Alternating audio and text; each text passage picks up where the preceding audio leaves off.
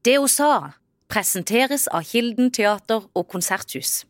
Og revisjon, advokat og rådgivningsselskapet PwC. Jeg trenger ro for meg sjøl, og den jobben jeg har, den krever ganske mye at jeg er til stede, planlegger og ja, egentlig legger veldig til rette for mine elever. For det er min oppgave å gi de mestring, det er min oppgave å finne muligheter til å kunne anerkjenne de. Eh, så jeg er såpass mye sosial og såpass mye på tilbudssida i jobben min at eh, det er veldig deilig å kunne bare tenke på meg sjøl.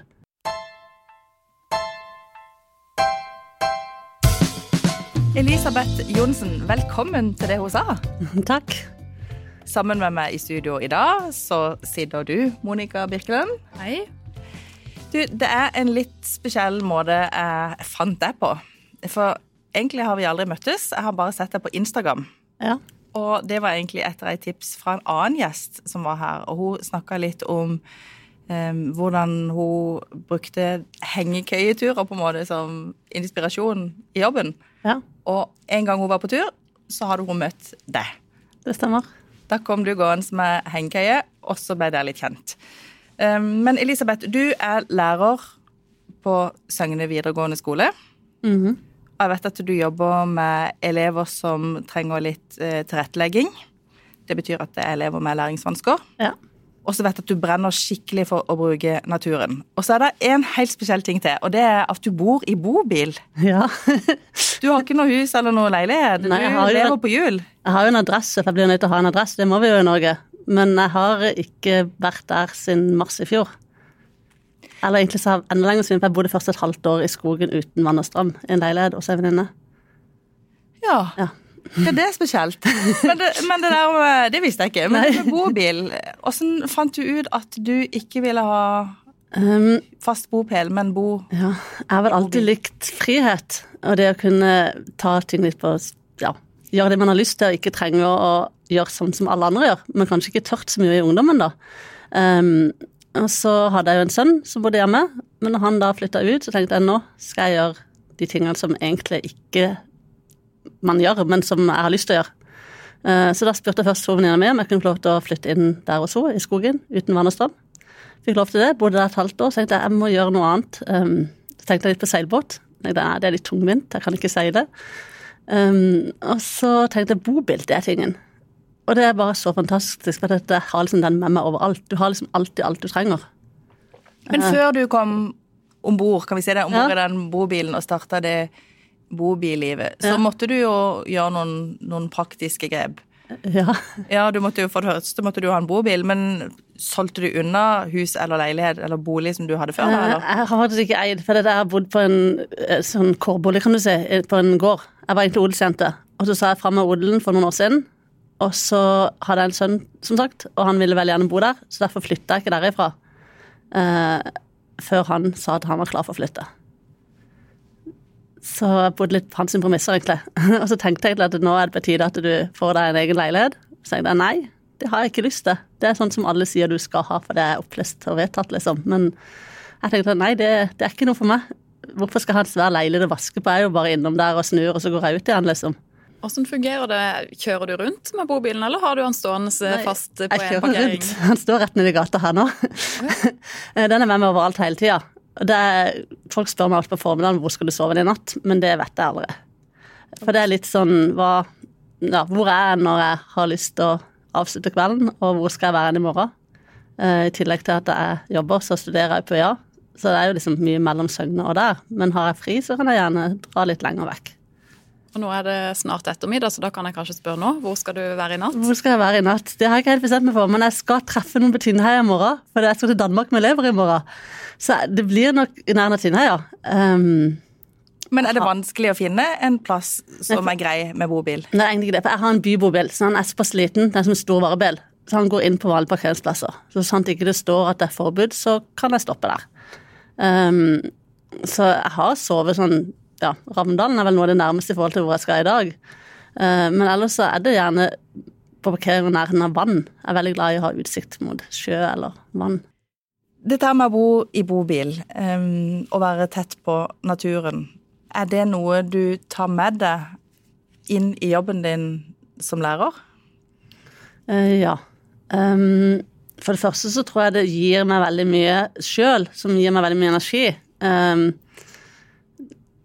jeg lader best ute. Uh, så det gir meg jo noe sånn, men jeg bruker det òg i forhold til elevene mine, ikke akkurat i bobilen, men jeg bruker naturen veldig mye som en ressurs for å lære. Mine elever har ofte manko på mestringsfølelse. Uh, og det å gi dem mestring, det er lettere ute i naturen og med dyrene, syns jeg, da, uh, enn det det er inne. Og de knytter seg gjerne til dyrene. Det er enklere kommunikasjon. De ser mer verdien av å stå i et arbeid. Det å liksom skulle fòre hesten er jo noe helt annet enn å skulle skrive ferdig en stil. de skjønner litt mer at dette her må vi gjøre ferdig. Um, og så gir det jo noe fysisk for det, både på koordinasjon og utholdenhet. Og det er mange det er gøyere treningsmåte enn en gymsal, for veldig mange av disse elevene strever med det A4-biten, den som jeg ikke liker sjøl heller. og da, da, er det en veldig god ressurs å bruke dyrene og naturen inn i læring for det. For Søgne videregående skole, det er jo en skole der det er mye eh, fag ja. som handler om dyr per og natur. Vi, per nå har vi kun naturbrukslinje. Vi skal utvide for høsten, og da blir det flere linjer. Da skal vi ha skole på Tangvall med bare praksisfelt der vi er i dag, da. Men um, Men dere har både hester og mm. lam, eller sauer, ja, da? Og hva ja. mer har dere? Uh, vi har kuer, geiter, uh, og så har vi noen kaniner, et par chinchillaer. Og så bruker en litt hunder inn fra ansatte og elever. Hvordan er det egentlig å være lærer på Søgne videregående skole? Å, det er veldig fint. Um, det kommer kanskje litt an på hva man jobber med på Søgne videregående òg, men for meg så er jobben perfekt fordi jeg får både jobbe og hjelpe de elevene som har utfordringer med å lære, og så får jeg bruke naturen som ressurs til det. Um, og så er vi et veldig godt team på tilrettelagt den avdelingen jeg jobber på, hvor vi hjelper hverandre og støtter hverandre og bygger opp disse elevene.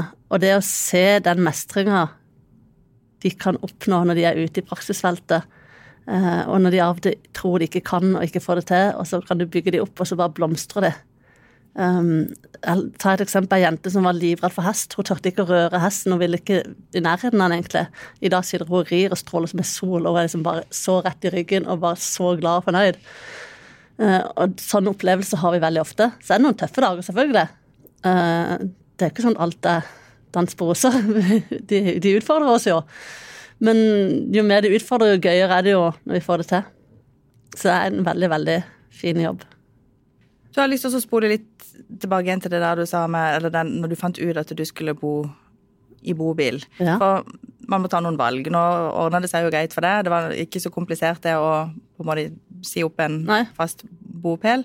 Men eh, du flytter jo inn i et veldig veldig lite mm. rom, på en måte. Jo, du har ikke så mye plass å, å boltre deg på. Så det er noen sånne praktiske ting. Hva gjør man med ting? Det er det. Nå har jeg heller fått lagra en god del. Kvitter jeg meg med noe jeg lagra, for jeg visste jo ikke helt hvor lenge jeg ville gjøre dette her. Men jeg tror bare jeg kan kvitte meg med det. Um, Treng, du trenger ikke så mange ting? Jeg trenger ikke så mange ting. Hva skal man med alle de tingene? Uh, man, har, man, trenger klær, og man trenger noen ting. Jeg har plass til hengekøye og alt friluftsutstyret mitt. Jeg har plass til vest og annet til å ut og padle kajakk. Um, så jeg har liksom de tingene jeg trenger, og jeg ser jo at det er ikke alt jeg har brukt løpet av det året. Så jeg kan egentlig rydde og ta ut noen ting. Men hva gjør det med deg? Hva gjør det liksom med tankesettet ditt, det at du får den erfaringa at, at, vi ikke trenger alle disse tingene vi omgjør oss med? og stadig Det er veldig befriende. Er det befriende, ja? Sykt befriende. Uh, så det er både det at vi ikke trenger det, men for meg så er det òg litt når jeg bor i bobil, så har det med meg hele tida. Det jeg trenger, eller sånn. De viktigste tingene. Men vi er veldig opptatt av sånn jag etter utstyr og ting. Vi må ha nye ting, vi må ha ditt og vi må ha datt. Og liksom veldig mye forskjellig vi må ha. Men vi trenger jo ikke det. Uh, og det, det jeg kanskje savner mest, er kanskje en stekeovn. Men du kan lage veldig mye på gass, liksom, på kokeplater. Men føles det som å være på tur? Hele tida? Får du litt sånn feriefølelse, eller blir det liksom hverdag, det òg? Ja ja, nå er jeg liksom et nytt sted. Nå. Det, delt. Um, det er jo hverdagen min, så det føles som hverdagen. Det er der jeg skal hjem, og jeg føler meg hjemme. Når jeg kommer i bobilen, så er jeg hjemme, men jeg er jo hjemme uansett hvor hun står henne. Men det er en enorm frihetsfølelse i og med at du Du trenger aldri reise noen plass. Du kan være hvor du vil hen. Du kan dra en plass, så kan du bare ut igjen. Når påska kom, så var jeg veldig i tvil om jeg skulle bruke mer tid på å skrive på noen oppgaver, eller om jeg skulle ta ferie. Så kjente jeg at du er sliten hvis du må ta ferie. Og da kunne jeg bare ringe til venner og meg sier du er på vei i den og den retninga, er det greit jeg kommer innom? Så hadde jeg alt med meg allerede. Sånn at du er jo på en ferie, for du har friheten som Du du, har trenger på aldri ferie. pakke. Nei. Så du har liksom litt frihetsfølelsen, men samtidig så eh, Det er jo ikke Det føles jo ikke helt så fair, for jeg må jo opp på morgenen, jeg må jo på jobb, ikke sant. Så jeg har jo ikke Noen kaster jo alt vekk. Men jeg ja, har jo den A4-biten allikevel, for jeg går på jobb og jeg studerer og prøver å trene litt innimellom. Så det er ikke en sånn ekstrem variant. Dette er egentlig en variant som bør være gjennomførbar for flere. Alle, egentlig. Men iallfall hvis de er alene. Jeg er jo alene og har bare meg sjøl. Jeg tror kanskje ikke det er det samme å bo flere inni der. Jeg har hatt med meg sønnen og venninne på tur, og når det nærmer seg to uker, så kjenner du litt på at eh, jeg trenger litt plass.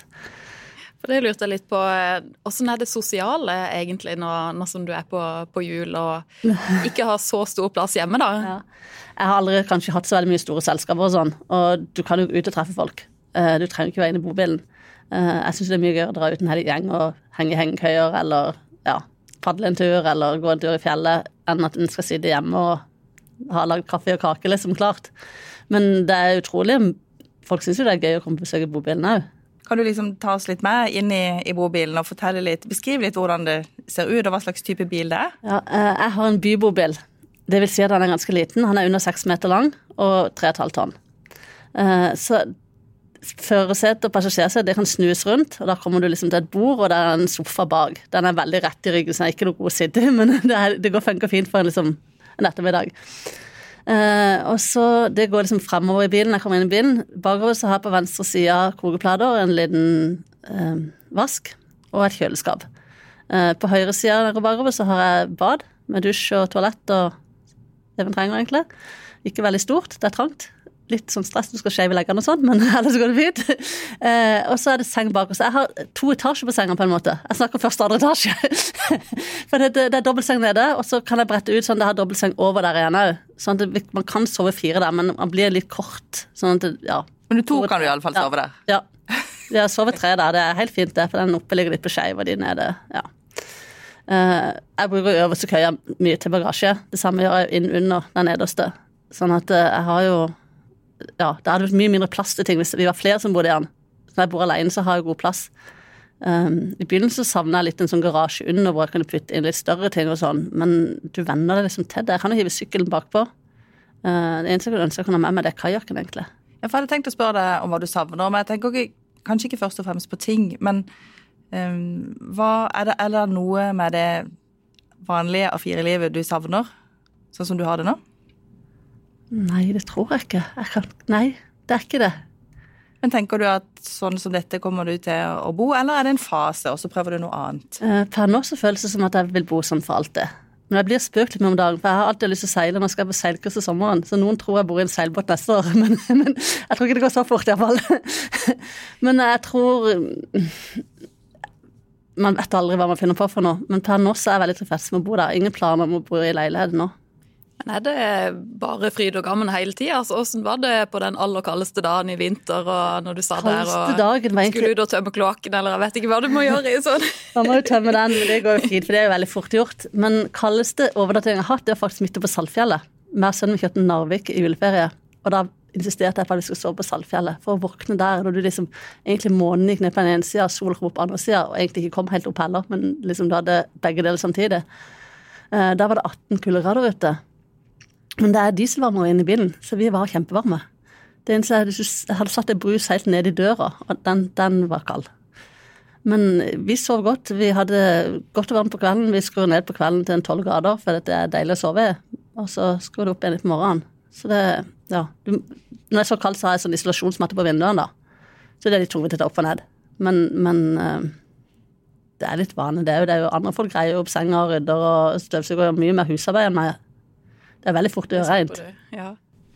Du, Det du beskrev med Saltfjellet osv., det hørtes jo ut som noen litt sånn unike naturopplevelser. I, sånn I utgangspunktet, så når jeg tenker på bobil, så ser jeg for meg litt sånn enten overfylte campingplasser, eller så ser jeg for meg disse lommene langs veien, f.eks. opp og ned langs Setesdal, og sånn, der det står bobiler. Gjerne, gjerne utenlandske Ja. bobiler. Um, Men det du driver med, er jo på en måte noe Helt annet. annet. For du, du står ikke på campingplasser og sånn. Jeg har aldri vært på campingplass. Jeg har stått en gang vi skulle på Tour de Wien i Lillesand, så sto jeg på en sånn bobilpark der.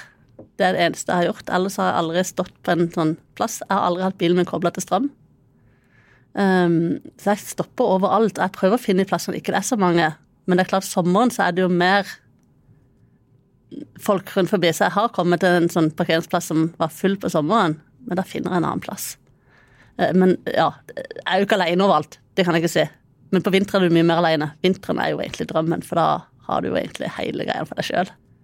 Jeg trenger ro for meg sjøl, og den jobben jeg har, den krever ganske mye at jeg til stede, planlegger og ja, egentlig legger veldig til rette for mine elever. For det er min oppgave å gi dem mestring, det er min oppgave å finne muligheter til å kunne anerkjenne de. Eh, Så jeg er såpass mye sosial og såpass mye på tilbudssida i jobben min at eh, det er veldig deilig å kunne bare tenke på meg sjøl. Den der sykler vi over ei uke, og da kan du på en måte ta med deg telt, så kan du legge den du vil, du kan stå opp når du vil. Du trenger liksom ikke å ta hensyn til noen andre, og det høres litt slemt ut, syns jeg, men, men det er mer den der at det, ja, hvis jeg er sliten en dag, så kan jeg stoppe. Hvis jeg, ja, jeg trenger ikke liksom hele tida tenke hva ønsker de andre. For de har nok tenkt litt mye i min oppvekst. Hva vil andre? Hva, hva forventes av meg? Så det her handler egentlig om at du kommer helt inn til kjernen og liksom helt tar på alvor det du har erfart at er bra for deg. Det er litt interessant, for ofte i hverdagen så syns jeg at man har, eller ting går liksom så fort, så det er ikke så ofte man har tid til å sette seg ned og kjenne etter egentlig bare hva har jeg lyst til. Det er jo gjerne Vi er jo mye drevet av, av plikt og avtaler og vane. Mm. Hvis det er noen av de som hører på nå, som går rundt med en, en drøm om å være mer i naturen, kanskje bo i seilbåt eller bobil, eller gjøre en endring, hvilke råd vil du gi for at folk skal kunne klare å realisere det? Åh, nei, det handler jo litt om Man må ha litt selvtillit for å gjøre det, tror jeg. Eh, og tørre å eh, Jeg tror det som hindrer mange, er at de, det er liksom ikke sånn man gjør. Det er på en måte bare Det er ikke det man gjør. Men det, når jeg flytta ut sånn, så var jeg veldig var på en gang, med en gang på de tilbakemeldingene jeg fikk. For det var litt sånn der, Og fremdeles når folk spør liksom hvor jeg bor hen, så flirer jeg litt, ikke sant. For dette, det er jo ikke helt vanlig.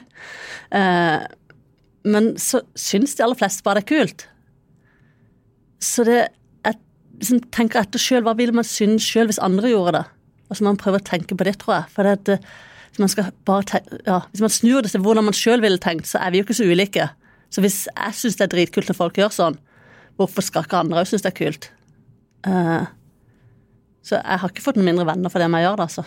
Men, men var det noen som var skeptiske? Noen lurer på hvordan jeg kan klare å gjøre det, og at jeg virkelig vil det, og stiller masse spørsmål i forhold til at eh, hvordan kan du like dette, og hvordan kan du orke dette. Veldig mange stiller spørsmål med TV, men det har jeg ikke hatt på mange år før dette heller. Det er veldig gøy å se på håndball, men da har vi jo noen puber i byen, sånn så man spiser godt måltid og sitte å lage middag den dagen og se den håndballkampen du har lyst.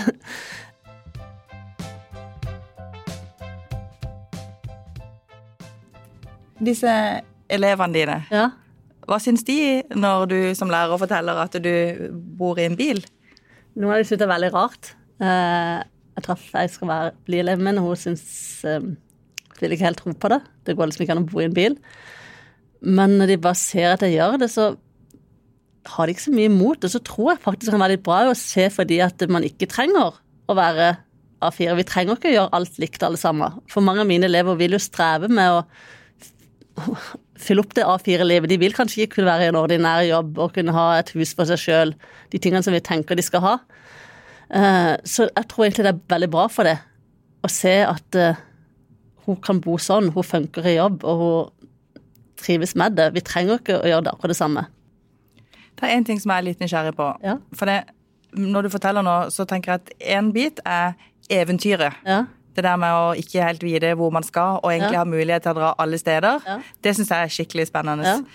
Eh, og så er det den andre biten, og da tenker jeg på det med å nedskalere. At vi skal ha færre ting, og skal kjøpe færre ting. Og du jobber jo på en skole med natur Ja. i fokus, ikke sant? Ja. Og vi vet jo det at hvis vi skal ta vare på naturen og på, Ja. på kloden vår, så må vi forbruke mindre. Det er helt sant. Er det også et element? Uh, ikke i utgangspunktet jeg valgte å gjøre det, men jeg har tenkt på det etterpå at det egentlig er positivt. For noen tenker at jeg kjører rundt i en bil og bruker masse diesel, men det er mye annet som ikke jeg bruker. Så jeg har tenkt på det at det, det er egentlig ganske klimavennlig det jeg holder på med, og det er jo veldig positivt. Har du blitt mer bevisst på den biten? Ja, jeg har blitt mye mer bevisst i forhold til bruk og kast. Um, og alt det vi kjøper som vi egentlig ikke trenger. Uh, og hvorfor vi gjør det. Uh, det, er, det er et, et sånn lykkejag, og så gir det oss egentlig ikke noe, så skader vi naturen i tillegg. Det er jo egentlig sånn Sett det sånn, så høres det bare helt teit ut, det vi gjør, da, men, men vi er nå skrudd sammen sånn at vi søker lykken hele tida. Men beskriv for meg øyeblikket når du kjenner at nå er jeg lykkelig. Å, det kan være så mye. Aller mest lykkelig er kanskje når jeg våkner opp i hengekøye, faktisk. Og kan liksom gjerne sett sola gå ned på den ene sida, og så har hun liksom begynt å gå på andre sida, og så hører jeg fuglene kvitre, og så kan jeg bare ligge der og slappe av og ikke trenge å gjøre noe som helst. Men òg ofte når jeg kommer inn på kvelden i bilen og setter meg ned, eh, kjører til en plass jeg har lyst til å være, har en fantastisk utsikt. Um, det å lukke opp bakdøra på morgenen òg, og på en måte se på alt som er, er uh, høre fuglene, Jeg elsker utsikt. Det er fantastisk. Men så kan jeg òg våkne på natta at det pøs regner og blåser som bare det. Så kjenner jeg altså de naturkraften tar i bilen. Og det er veldig digg. En gang måtte jeg flytte bilen, for da hadde jeg kjørt til Lista for å oppleve vinden. Og da så jeg at bilen vippa så mye at jeg tenkte dette her kan være farlig. Men, men er, du får liksom alle kreftene som er naturlig, mye tettere på kroppen. Uh, og naturen er jo helt rå. Du Kjører du nå utenlands?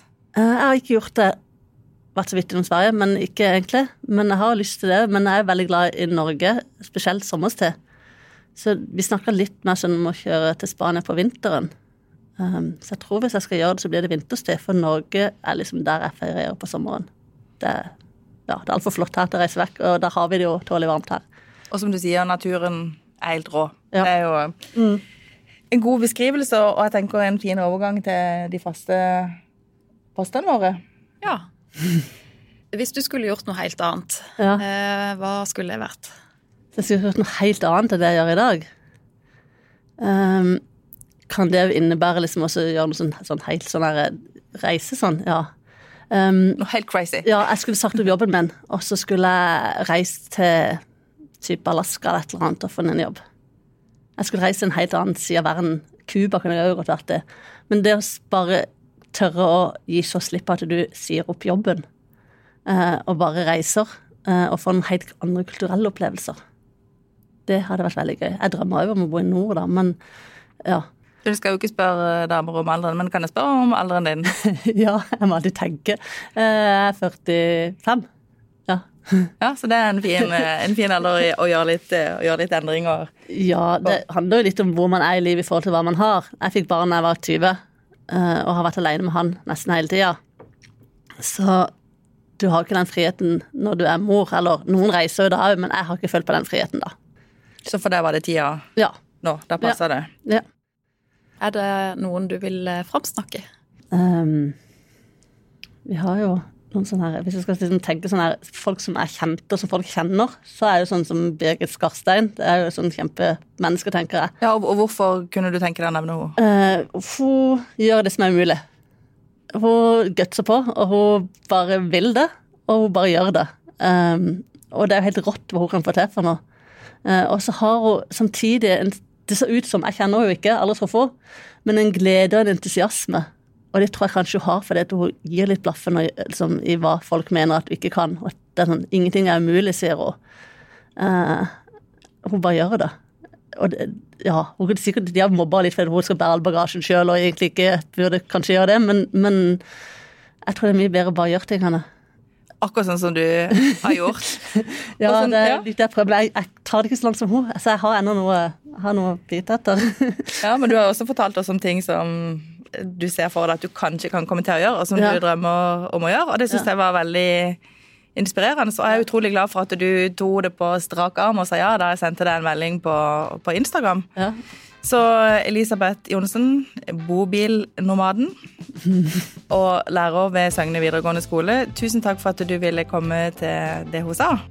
Du har lytta til Federlandsvennens podkast Det hun sa med Birgitte Klekken. Har du tips til andre bra damer vi bør snakke med, eller har du lyst til å dele inspirerende erfaringer fra ditt arbeidsliv?